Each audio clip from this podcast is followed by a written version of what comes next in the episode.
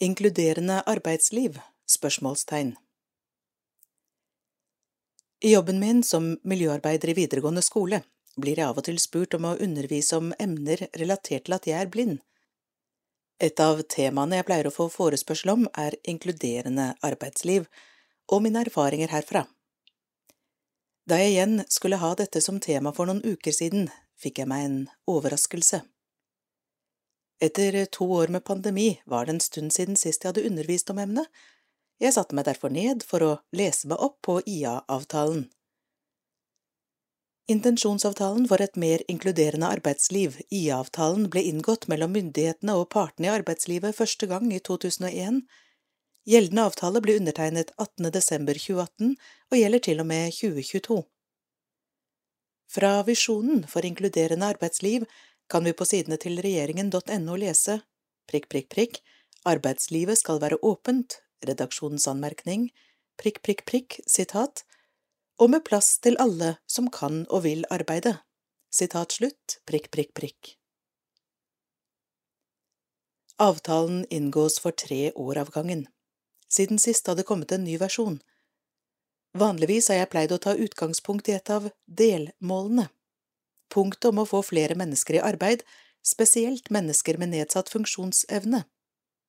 Jeg leste og leste, sjekket at jeg ikke hadde hoppet over et viktig avsnitt, leste om igjen for å være sikker på at jeg ikke hadde gått glipp av en setning eller misforstått en formulering, men nei, uansett hvor grundig jeg var, fant jeg ikke igjen delmålet.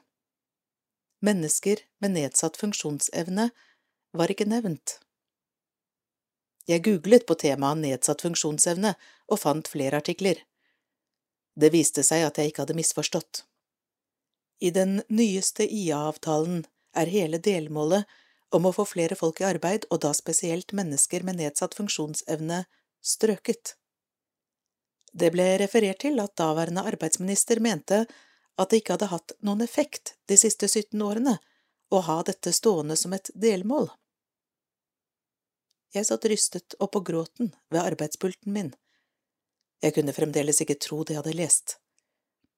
Jeg pleier å tenke at det meste av ubehageligheter og rare ting jeg opplever som blind i møte med seende, skyldes uvitenhet og det faktum at mange ikke har møtt eller kjenner folk med nedsatt funksjonsevne, men dette, det handlet ikke om uvitenhet. For meg ble det som å få et stempel i panna, ubrukelig, håpløs.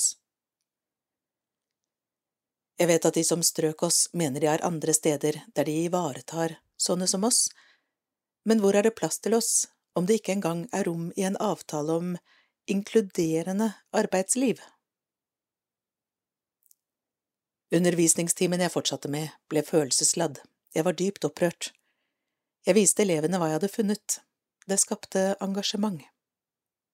Nå er vi i 2022, og en ny IA-avtale skal vel mest sannsynlig tre i kraft i løpet av året. Jeg må innrømme at jeg dessverre ikke har store forhåpninger.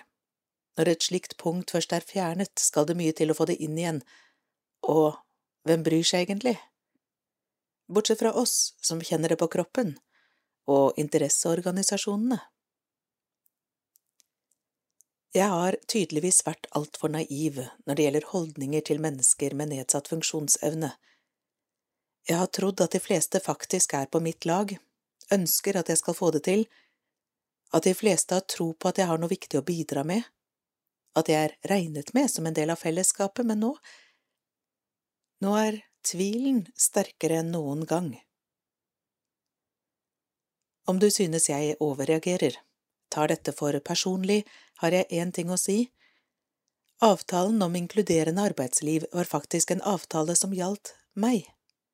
Ikke bare meg, men definitivt også meg. Kanskje var det i hermetegn vakre ord uten særlig potensial og forpliktelser, men de sto der. Det hadde faktisk en betydning. For meg. Når noen bare kan fjerne de ordene, det programmet, slik vi oppfattet det som, da er det nettopp det det gjør med meg også. Jeg tas ut av inkluderingen. Jeg anses som uviktig og nytteløs. Det angår meg.